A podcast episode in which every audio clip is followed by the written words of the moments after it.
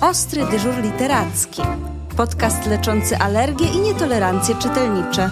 Prowadzi Agnieszka Karpszymańska. Dzień dobry, zapraszam Państwa do Wrocławia, do miejsca pełnego dobrego smaku, ale nie tylko literackiego. Zapraszam Państwa do Kokofli. Jest z nami Dorota Hartwig, założycielka Kokofli, ale przede wszystkim publicystka, krytyczka sztuki i literatury, tłumaczka, redaktorka i wydawczyni. Dzień dobry, Doroto. Dzień dobry.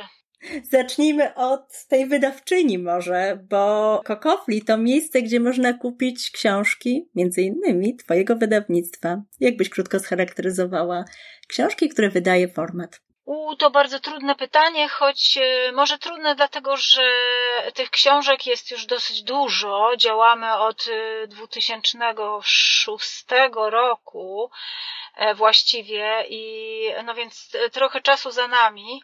Niemniej rzeczywiście może nie opierając się na liczbach, a bardziej na jakości, powiedziałabym, że jest linia wydawnicza, której się trzymamy mocno od, od samego początku. Bardzo ważne jest dla nas z jednej strony, żeby to były książki, które łączą nie tylko pokolenia, ale prowokują do rozmów, do refleksji i do bycia razem właśnie przy książce, mhm. bez względu na wiek, bez względu na osoby czytające i bez względu na, e, nie wiem, światopogląd, e, bez względu na różnice, jakie mogą się pojawić. I tego się trzymamy, to jest bardzo ważne. Mm, co na to, na to pozwala? Oczywiście takim gatunkiem jest picture book, czyli książka, która łączy w sobie obraz i tekst. I ten gatunek pokochaliśmy najbardziej i wiernie się go trzymamy i wydajemy książki e, właściwie wszystkie ilustrowane, prócz pewnej linii prozy współczesnej, którą otworzyliśmy e, parę lat temu i którą powolutku sobie kontynuujemy. Drugą rzeczą taką jest oczywiście dla nas bardzo ważną jest jakość. No, książka musi być pięknym obiektem, mm -hmm. pięknym przedmiotem, który sprawia nam przyjemność, kiedy trzymamy go w ręku. Mam nadzieję, że nam się to udaje. Zresztą no, skądinąd wiemy, że nie tylko jakby odbiorcy to doceniają, ale też jurorzy różnych konkursów, e, więc te ilustracje, które są w tych naszych książkach, to są zawsze prace artystów, a wykonanie samej książki w ogóle jest już naszym zadaniem i tu staramy się, żeby zawsze coś zaskakiwało naszego odbiorcy. To są różnego rodzaju rodzaju kalki, tłoczenia, dziwne oprawy, dziwne kształty, formaty, nomen omen.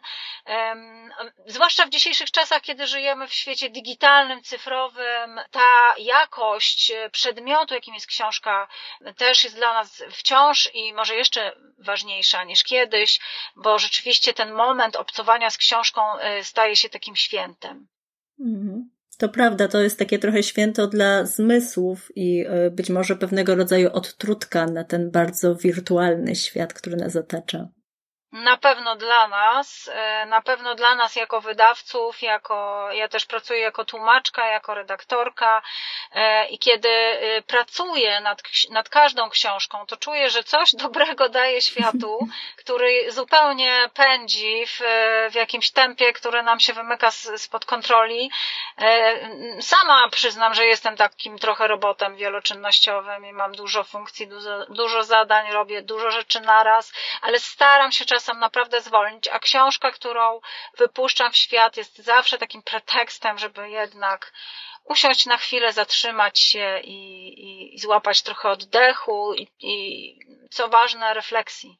Mm, ja w swoim własnym biurze mam całą półeczkę e, książek e, Miło. wydawnictwa Format i rzeczywiście to jest taka półeczka przyjemności ogromnej, bo ściągając e, nawet po wielu miesiącach od premiery taką książkę i przeglądając na chwilę człowiek może oderwać się od tego wszystkiego, co go otacza, od wszelkich wyzwań i nie zawsze przyjemnych sytuacji, może sobie znaleźć faktycznie taką chwilę tylko i wyłącznie dla siebie. No i to właściwie, co powiedziałam, jest dosyć istotne, istotne, bo te książki są absolutnie ponadczasowe, prawda? To nie jest istotne, kiedy mają premierę, kiedy wchodzą na rynek, kiedy czytelnik ma pierwszy kontakt z taką książką. Można do nich wracać, wracać i wracać.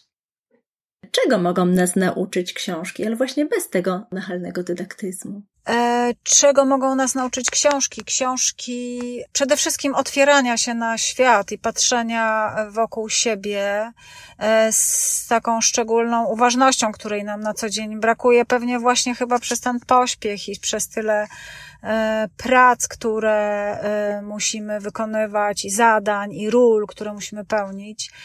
E, tak, chyba przede wszystkim takie otwieranie się, a z drugiej strony przyjęcie perspektywy kogoś drugiego. To, mhm. to może jest banalne i, e, i o tym e, powie pewnie każdy wnikliwy czytelnik. To jest oczywiste, że jak czytamy, jakąś opowieść, nieważne czy ona jest e, zapisana w postaci obszernej powieści, czy, czy jest e, zapisana w postaci obrazów i krótkich zdań, czy może poezji, ale zawsze nagle następuje takie zjawisko, jakim jest e, patrzenie na świat trochę oczami tego bohatera, z którym się związujemy, czy, czy pójście za nitką danej opowieści. I wtedy jakby trochę przemieszczamy się, wychodzimy z takiej swojej jakiejś strefy czasami komfortu, czasami strefy jakichś takich przyzwyczajeń, nawyków, e, schematów, w których żyjemy i nagle mówimy sobie, o, nigdy tak nie pomyślałam, nie spojrzałem, e, tu jest coś nowego, coś, co we mnie budzi, porusza jakąś czułą strunę. E, ja tego głównie szukam w książkach i to staram się dawać czytelnikom i odbiorcom formatu. Mhm. Książki formatu uczą na pewno empatii. E, natomiast Kokofli można znaleźć też inne książki innych wydawców. E, na stronie możemy przeczytać, że są to książki ambitne. Co to znaczy? Nie wiem, która to wersja strony, nie wiem, czy jeszcze to słowo tam jest. Ono jest nieważne. W każdym razie to jest takie słowo, które jest takim słowem, którym, z którego pewnie dzisiaj bym się wycofywała, bo ja bym powiedziała, że książki prawdziwe, książki szczere, książki mhm. prawdziwe i autentyczne, bardziej niż ambitne. Ambitne pewnie jakościowo, tak, na pewno jakościowo, ambitne na pewno pod względem e, właśnie mm, jakby zamysłu twórczego i realizacji później, ale tak naprawdę no co, kluczem y, doboru książek, które znajdziemy na półkach w wrocławskim Kokofli, no jest mm, chyba jednym z takich kluczy jest tak właściwie chyba niekomercyjność tak naprawdę, bo, e, mhm. bo to jest, ja wiem, że to jest odważne i to jest takie też trochę ryzykowne z naszej strony, no bo wiadomo, że miejsce w centrum miasta musi się jakoś utrzymać, ale dlatego też w Kokofli nie, nie ma tylko książek, tylko są również e, i kawa, i ciasta, i można się napić kieliszek wina. To wszystko ma wesprzeć jakby utrzymanie miejsca, którego właściwie założe, z założenia miało być księgarnią na początku tylko. Te książki, które tam są, muszą, muszą nas jakoś zahaczać, tak? Więc szukamy przede wszystkim e, najciekawszych e, pozycji z, z, z katalogów, z ofert wydawców małych, niszowych, e, takich, którzy, którym przyświeca naprawdę idea i wiedzą, co chcą robić, czyli, czyli wszyscy mali, niezależni wydawcy książek ilustrowanych i dziecięcych, chociaż znowu i zawsze to zaznaczam, że jeżeli książka jest ilustrowana, to nie znaczy, że koniecznie to jest książka dziecięca i dla mhm. dzieci. Y, to jest bardzo ważne, bo znajdziemy na półkach Kokofli dużo książek obrazkowych i ilustrowanych, które naprawdę kierowane są do odbiorców dorosłych. Mamy też trochę wydawnictw takich y, humanistycznych, ogólnohumanistycznych, tajfuny, charakter, czarne, krytyka liberalna. Te, które znowuż jakoś tam pobudzają nas intelektualnie. To jest też ważne w tym miejscu. Mhm.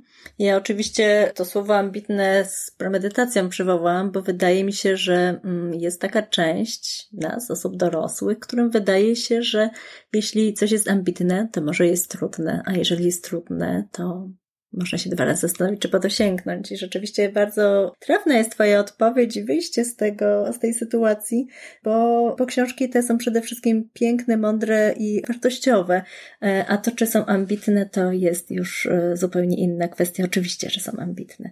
E, Dorota, ja mam do Ciebie troszkę inne pytanie. Jesteś tłumaczką z języka francuskiego.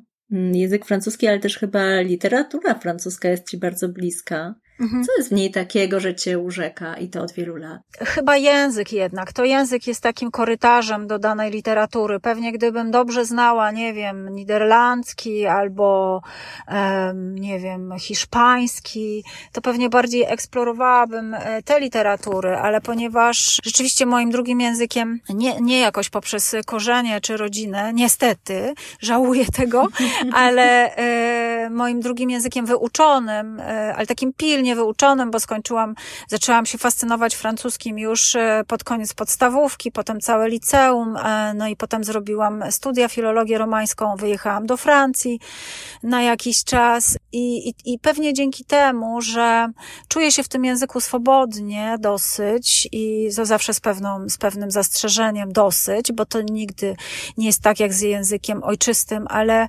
e, dzięki temu przedostaje się przez jakieś takie, w, w, można powiedzieć, nie wiem, kołdry, mgły, które nam zasnuwają czasami w lekturze, jeżeli coś czytamy w języku obcym i niedobrze znamy ten język, to właściwie ta literatura jest jakoś tak, taka zapośredniczona, a z francuskim jest tak, że rzeczywiście jestem w stanie poczuć, co w danej powieści, co w danym tekście jest.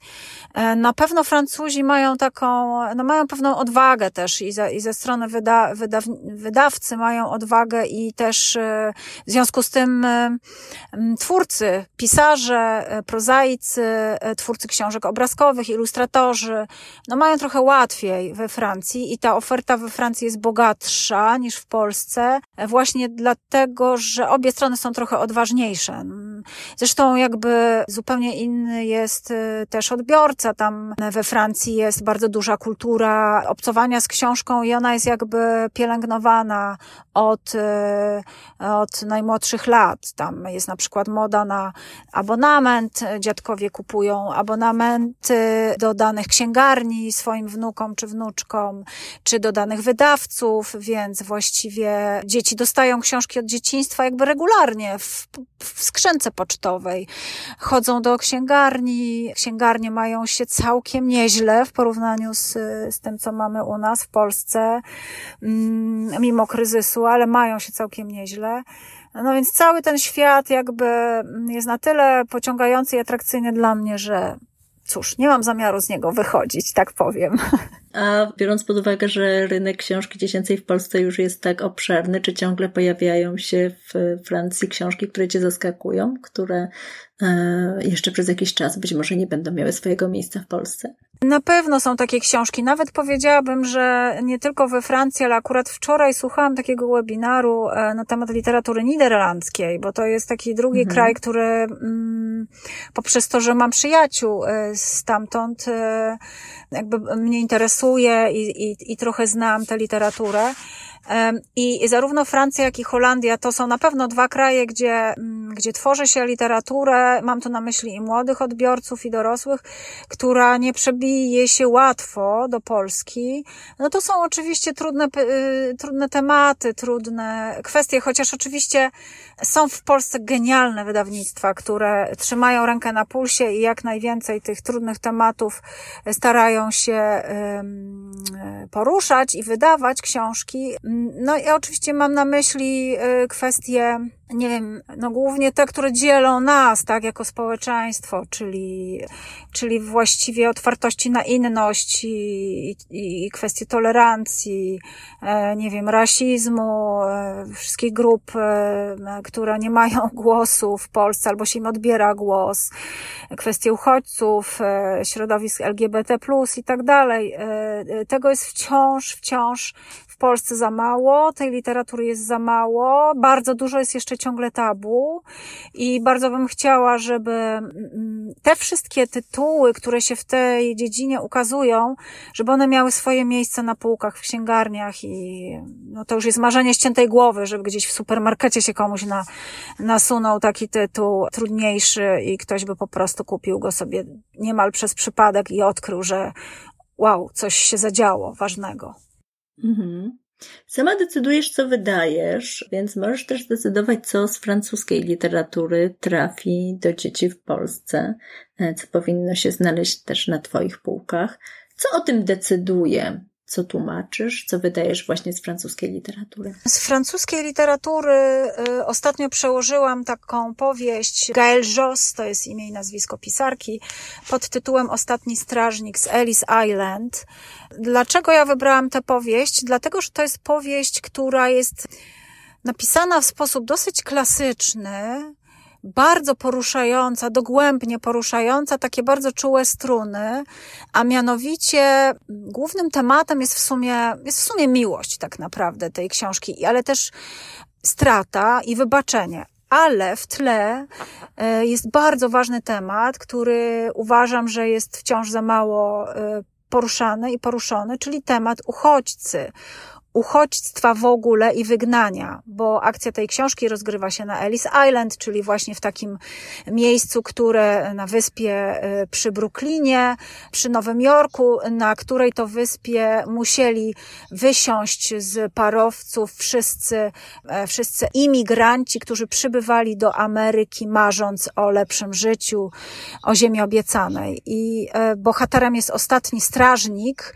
takiego właśnie centrum imigracyjnego, Mm, który wspomina swoje życie i w sposób niezwykle empatyczny i niezwykle wnikliwy pokazuje, y, oddaje emocje właśnie tych ludzi, którzy gdzieś są pomiędzy. Ani nie są już u siebie, ani nie są jeszcze u siebie, i właściwie nie wiadomo, czy to u siebie będzie kiedykolwiek jeszcze dla nich. I to jest bardzo ważny temat. A dla dzieci, mm, zastanawiam się teraz nad taką książką, która pokazuje y, chłopca, który nie potrafi się e, odizolować, można powiedzieć, y, rozdzielić ze swoim telefonem komórkowym.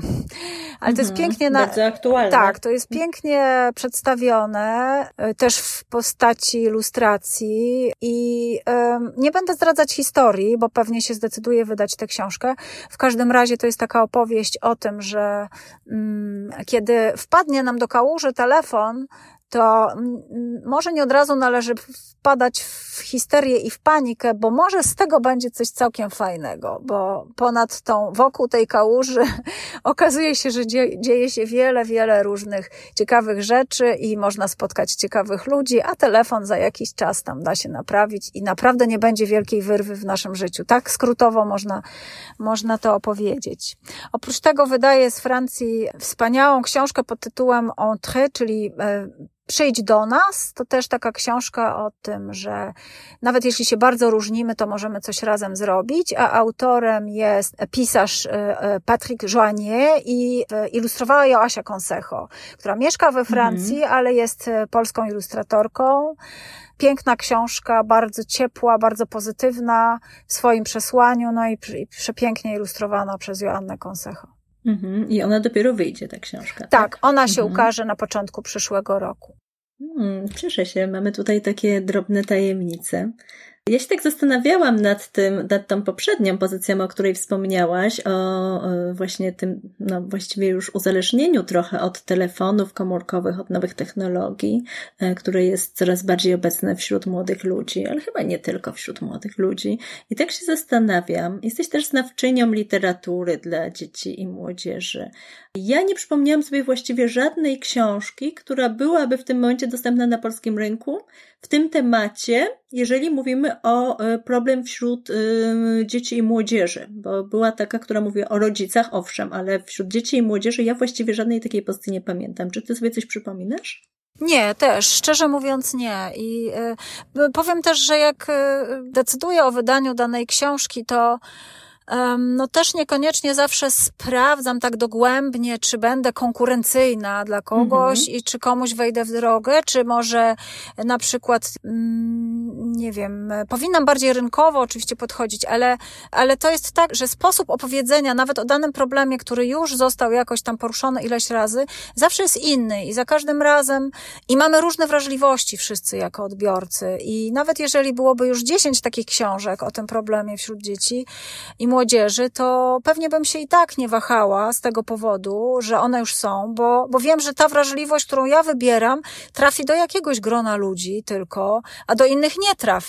I na szczęście te pozostałe dziesięć trafi do tych innych kręgów, które właśnie będą wybierały jakieś inne formy, prawda, podejścia do danego tematu. Ale faktycznie też nie przypominam sobie, nie, nie mówimy tutaj o poradnikach, prawda, bo tak, poradników oczywiście. to jest mnóstwo, tylko o tak, o to, żeby podejść do tego tematu, mhm tak, od strony fabuły, czy właśnie y, sztuki ilustracji też.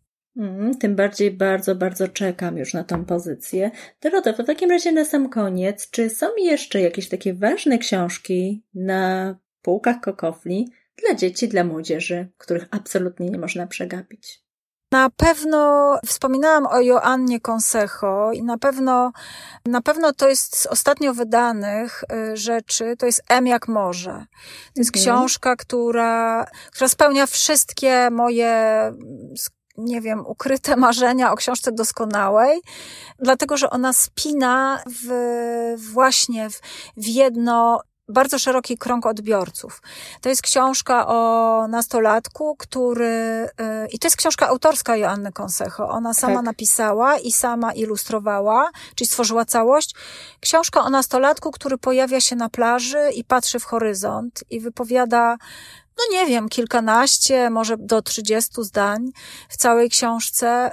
No ale właśnie, pojawia się tam i dziadek, pojawia się i matka, pojawia się i jakiś nieznajomy przyjaciel, którego może jeszcze nie ma, który będzie. Pojawia się jakaś wyobrażona może miłość, której jeszcze nie ma. E, czyli jest przeszłość, przyszłość i teraźniejszość. Ten chłopiec bierze do ręki kiełko, kamyk, e, patrzy na wodę. Wszystko jest tak, e, tak proste, a zarazem tak głębokie i tak symboliczne, jest przepięknie zilustrowane, że to jest właściwie ta książka, tak jak e, ta, o której mówiłam, tego duetu niemieckiego, niemiecko-włoskiego pod tytułem 100 rzeczy, których nauczyło mnie życie. To są dwie książki, które absolutnie nadają się na ten czas, w którym teraz jesteśmy, czyli, czyli jesień, kiedy mamy długie wieczory, zbliżają się święta i właściwie te nasze podróże w głowie w stronę przyszłości, przeszłości, odbywają się jakby samoistnie, bo mamy trochę czasu na tym, żeby pomyśleć, co będzie, co było i jak jest teraz. I to na pewno są takie książki. No oczywiście na pewno jest Zgubiona Dusza Olgi Tokarczuk, która e, bije rekordy sprzedażowe i e, ciągle i e, wydana została w ponad 20 językach już na świecie, też ilustrowana przez Joannę Consejo. Jest Atlas Miejsc Literackich, też przepiękna rzecz, która prowadzi nas ścieżkami tych miejsc, w których rozgrywały się akcje, e, nie wiem, Charlie Fabryka Czekolady, albo e, opowieści z Narni, albo e, Sherlock Holmes chociażby. Mm, jest świetna seria Ewolucja, Ciało i Kosmos dla tych, którzy chcą trochę takich rzeczy popularno-naukowych, też na najwyższym poziomie merytorycznym i edytorskim, takiego duetu mm, z Huten i Reader z, z właśnie z, z Holandii. No długo by wymieniać. Uwielbiam wszystkie książki, które wydajemy, dlatego że no sama je gdzieś znajduję na świecie i jestem do nich w 200% przekonana, że to są dobre rzeczy. A no właśnie. E, ja miałam na początku mm, pytać, czy bardziej się kierujesz analizą chłodną, czy momentami zachwytu, znajdując te książki, ale widzę, że rzeczywiście e, to są wybory głównie z serca. Mhm. Doroto, bardzo Ci dziękuję za rozmowę. Przypomnijmy raz jeszcze adres e, samego Kokofli, bo te wszystkie piękne książki można tam zobaczyć, a co więcej, można usiąść przy stoliku, przy filiżance kawy, herbaty albo z Czekolady tak. albo czekolady i po prostu je poprzeglądać, zanim jeszcze się zdecydujemy na zakup. Tak, i co ważne, Kokofli to jest we Wrocławiu najdłużej czynna księgarnia, bo właściwie do północy codziennie można wpaść i sprawić komuś prezent y, y, w postaci książki. Adres Włodkowica 9. Jesteśmy w pobliżu e, synagogi, a zarazem cerkwi, kościoła protestanckiego i katolickiego, czyli w dzielnicy czterech świątyń, w dzielnicy wzajemnego szacunku, no i bardzo ładnym zakątku Starego Wrocławia. To prawda. Przyłączam się serdecznie do tej rekomendacji, do tego zaproszenia. Dziękuję Państwu ślicznie. Dziękuję Dorota za rozmowę. Dziękuję, do zobaczenia. Podcast zrealizowany w ramach projektu Ostry dyżur literacki, podcast z księgarni niezależnych. Dofinansowano ze środków Ministra Kultury, Dziedzictwa Narodowego i Sportu pochodzących z Funduszu Promocji Kultury.